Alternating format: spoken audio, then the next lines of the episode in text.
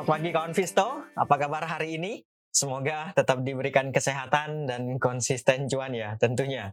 Baik, kita jumpa lagi di Trading Ideas di pagi ini menjelang akhir pekan atau hari terakhir perdagangan di pekan ini. Tanggal 15 Juli.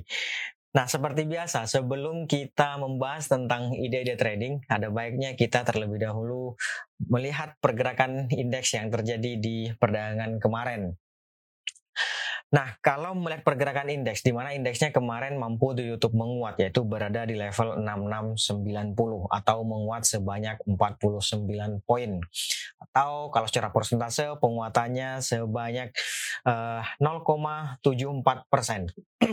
lumayan lah ya untuk menghambat pelemahan yang terjadi sehari sebelumnya.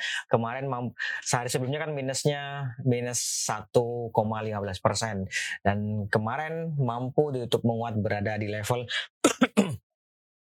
6690 atau plus 0,74 persen. Ini lumayan sih.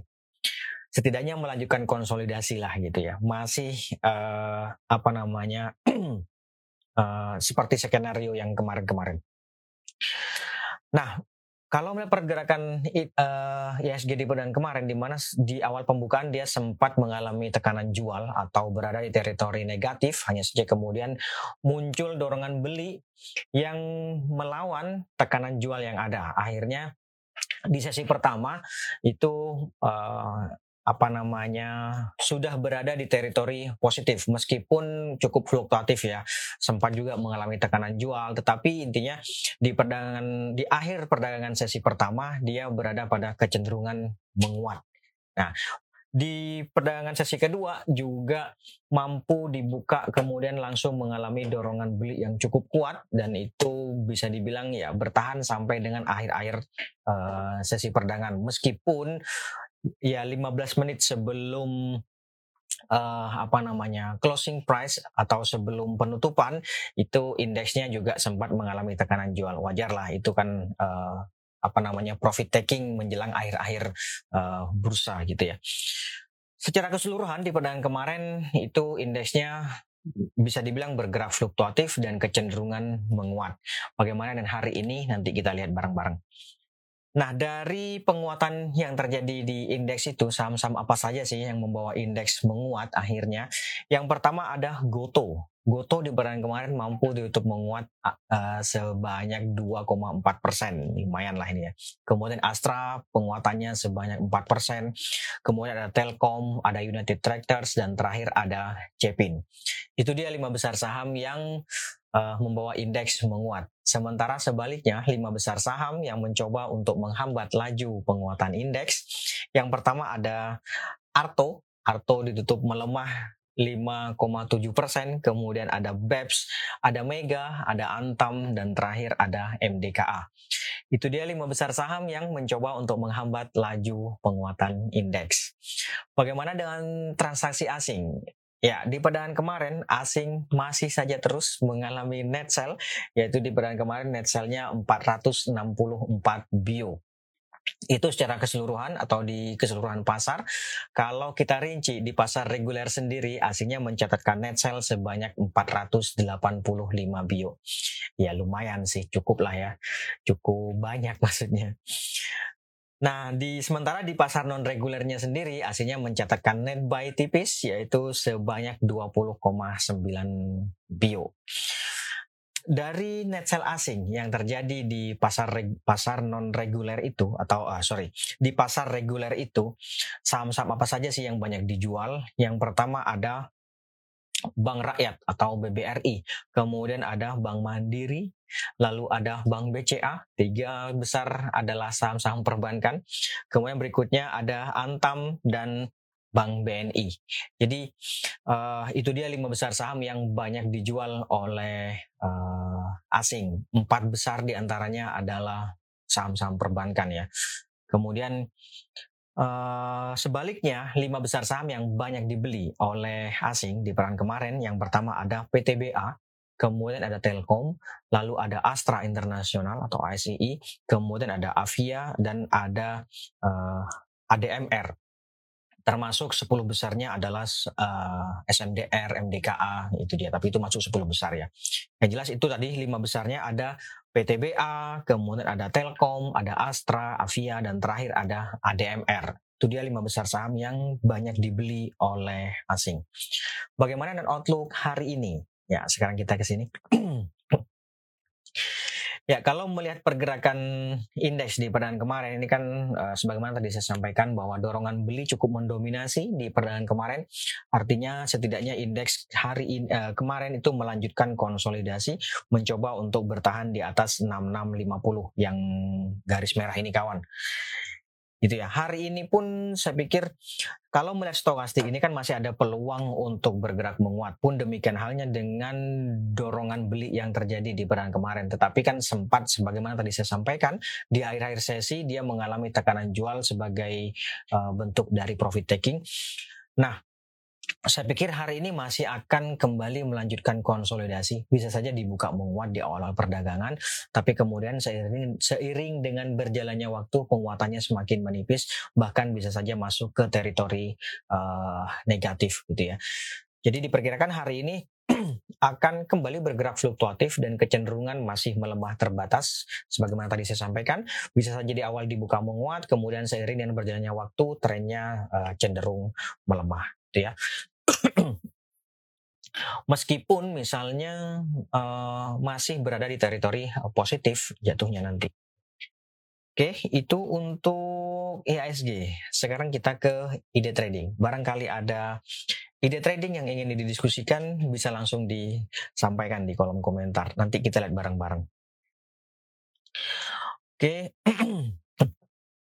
yang pertama ada apa ini? Sebentar, saya lihat dulu. Excel. Oke, Excel. Excel ya. Nah, ini dia Excel. Excel di perdagangan kemarin ditutup melemah tipis yaitu 2 poin. Sebenarnya ini cukup menarik nih kalau melihat pergerakan harganya ya. Selama lebih dari sepekan terakhir ini dia akan mengalami konsolidasi nih ya kan? Sempat juga uji resist yang ada di 2360 kemarin dan sehari sebelumnya kemarin lusa gitu ya hanya saja belum mampu untuk bergerak di atas itu dan saya pikir ini idealnya adalah buy on weakness bisa dipertimbangkan buy on weakness di 2230 ya di kisaran sini nih kawan. Ya di garis yang biru nih.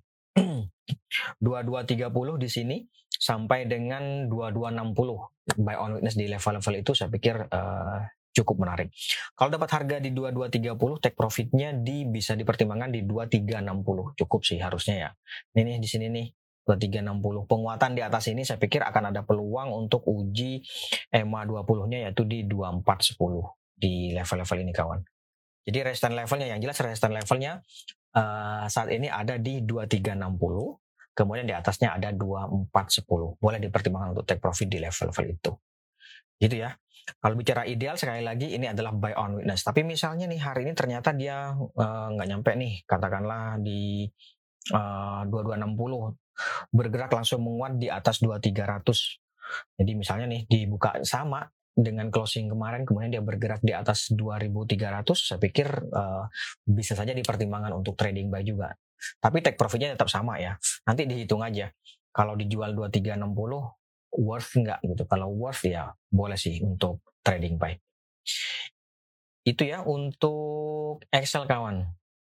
Kemudian berikutnya ada lagi ada lagi sebentar. Semen Indonesia SMGR. Nah ini dia SMGR. Ini cukup menarik sih eh, SMGR kalau kalau melihat di perdagangan kemarin dia kan sedang uji resist 6550 nih di sini ya 6550. Jadi ini idealnya menurut saya bisa dipertimbangkan untuk buy on breakout saja. Sebenarnya bisa saja sih spekulatif buy ya kan. Kalau melihat stokastik yang bullish crossover ini sebenarnya kan boleh spekulatif buy. Tapi kalau melihat uh, apa namanya uh, resisten level yang ada di sini nih kan dia cenderung ketahan nih masih di sini nih. Jadi idealnya sih menurut saya ini jadinya adalah buy on breakout bisa dipertimbangkan di atas 6550 saja. Ya. Kalau dapat harga di 6550, di atas 6550 katakanlah 6575 misalnya gitu ya. Uh, saya pikir 6800 boleh sih dipertimbangkan untuk take profit. 6800 di atasnya ada 6950 di sini nih kawan. Nih ya. 6975 bolehlah di level-level itu. Oke, itu ya. Nanti stop lossnya di berapa? Stop lossnya uh, di bawah 6475 atau sekalian di bawah 6350. Itu untuk SMGR. Kemudian berikutnya ada TEK. nah ini dia TEK. Ya, di perdan kemarin TEK juga mampu untuk menguat sempat sih bergerak melemah mencoba untuk melewati EMA 20 hanya saja belum mampu. Dan kemudian uh, di YouTube menguat lumayan 5 poin gitu ya uh, di 7500 resisten level terdekatnya ini ada di 7600 sih. Jadi kalau bicara ideal ada baiknya dipertimbangkan buy on breakout di atas 7600. Misalnya hari ini bergerak di atas 7600 boleh dipertimbangkan untuk trading buy. Nanti target take profitnya di sini kawan, paling dekat 7875. Kemudian di atasnya ada uh, 8000 8150. Jadi sekali lagi, resistance level terdekatnya dengan closing kemarin itu ada di 7.600. Makanya uh, buy on breakout uh, lebih menarik, itu ya. Kemudian di atasnya lagi ada 7 berapa tadi? 7875. Kemudian ada 8000, lalu ada 8150 di level-level itu. Oke, itu untuk Tekno. Kemudian ada ada sebentar BBHI. BBHI. Ya, di BBHI di perdagangan kemarin ditutup menguat tipis yaitu di 3450 atau 2 poin ya. Betul, betul 2 poin sebentar. Nih. Kelihatan kan di sini ya. Nah, kalau dengan pergerakan kalau dengan perda, uh, pergerakan di perdagangan kemarin itu support terdekatnya itu ada di 3330. Ya, buy on weakness di level-level itu. Idealnya sih ya di level-level ini nih buy on weaknessnya. Ini di berapa sih? 3200 atau 3210 ya. Oh sorry, 3190 sampai dengan uh, 3200 eh sorry 3190 sampai dengan 3320 ya di level-level itu uh, idealnya untuk buy on witness gitu ya. Atau kalau misalnya nih hari ini dia bergerak menguat sampai di atas 3500, boleh dipertimbangkan untuk trading buy ikutan. Nanti target take profitnya 3600. Cukup sih harusnya. Coba ya kita hitung ya. Kalau dapat harga katakanlah di 3500, eh, kita jual di 3600. Maka 2,8 persen, dua setengah persen bersih. Oke, lumayan sih. Cukup sih untung lah yang jelas gitu ya. Oke, itu untuk BBHI. Penguatan di atas 3600 ada peluangnya ke sini. Nah, ini uh, cukup ideal untuk lakukan take profit yaitu di 3800. Oke, yang jelas idealnya kalau mau masuk itu adalah buy on witness di level-level sini nih 3200 atau 3210 sampai dengan 3300. Oke, itu untuk BBHI. Kita lanjut. Ada lagi BBYB. BBYB. Ya, ini dia BBYB. BBYB di perdagangan kemarin memang mampu untuk menguat di apa namanya mencoba untuk bertahan di atas EMA eh, 20 penguatan sebanyak 3 poin di perdagangan kemarin dan saya pikir kalau bicara ideal, sebentar, ini uh, ini supportnya 11.30 nih kawan. Nah nih di sini nih, ya kan? Ini sih buy on witness di 11.30 idealnya. Kenapa demikian? Ini dia.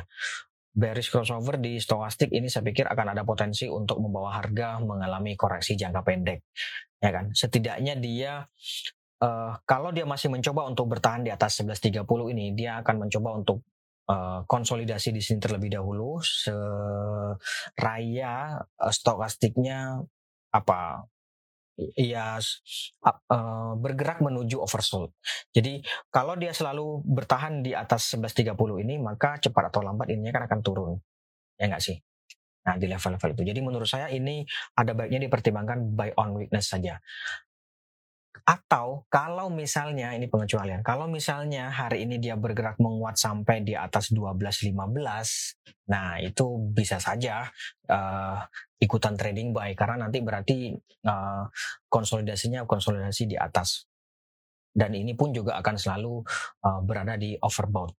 Artinya berarti tekanan belinya itu lebih mendominasi uh, dalam beberapa pekan terakhirnya gitu ya. Jadi dari sini ini kan sudah muncul nih dorongan belinya, bukan tekanan beli ya. Dorongan belinya muncul di sini kalau ini bergerak menguat lagi, misalnya nih hari ini bergerak menguat di atas 12.15, bisa saja trading buy karena ada potensi untuk melanjutkan dorongan beli yang terjadi gitu ya. Kalau dorongan belinya lebih mendominasi selama beberapa hari terakhir, maka stokasinya juga akan tetap selalu berada di overbought area. Oke, saya pikir itu untuk BBYB. Kita lanjut lagi. Ada Goto. Goto ya.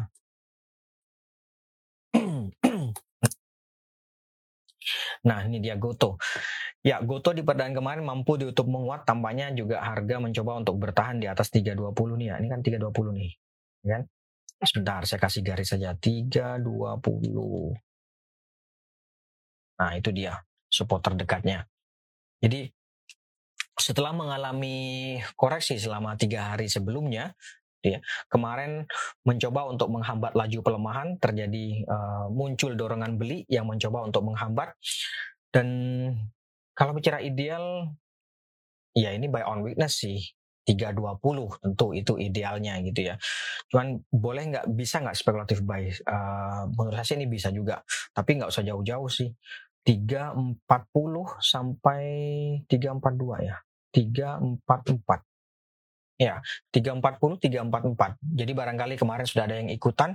Menurut saya sih boleh sih dipertimbangkan untuk take profit di 340 sampai dengan 344 di level-level itu. Itu ya untuk Goto. Kemudian ada lagi uh, PNLF. PNLF. Oke. Okay. PNLF masih nggak ke mana-mana ini masih konsolidasi melanjutkan konsolidasi kemarin ditutup melemah uh, melemah sebanyak lima poin ya lima uh, poin lumayan lah ya jadi saya pikir ini kalaupun tertarik, ini kan konsolidasi di atas nih. Ada baiknya buy on breakout saja di atas 432. Nanti target take profitnya di sini kawan. 446 di atasnya ada 454. Itu. Oke, itu untuk PNLF.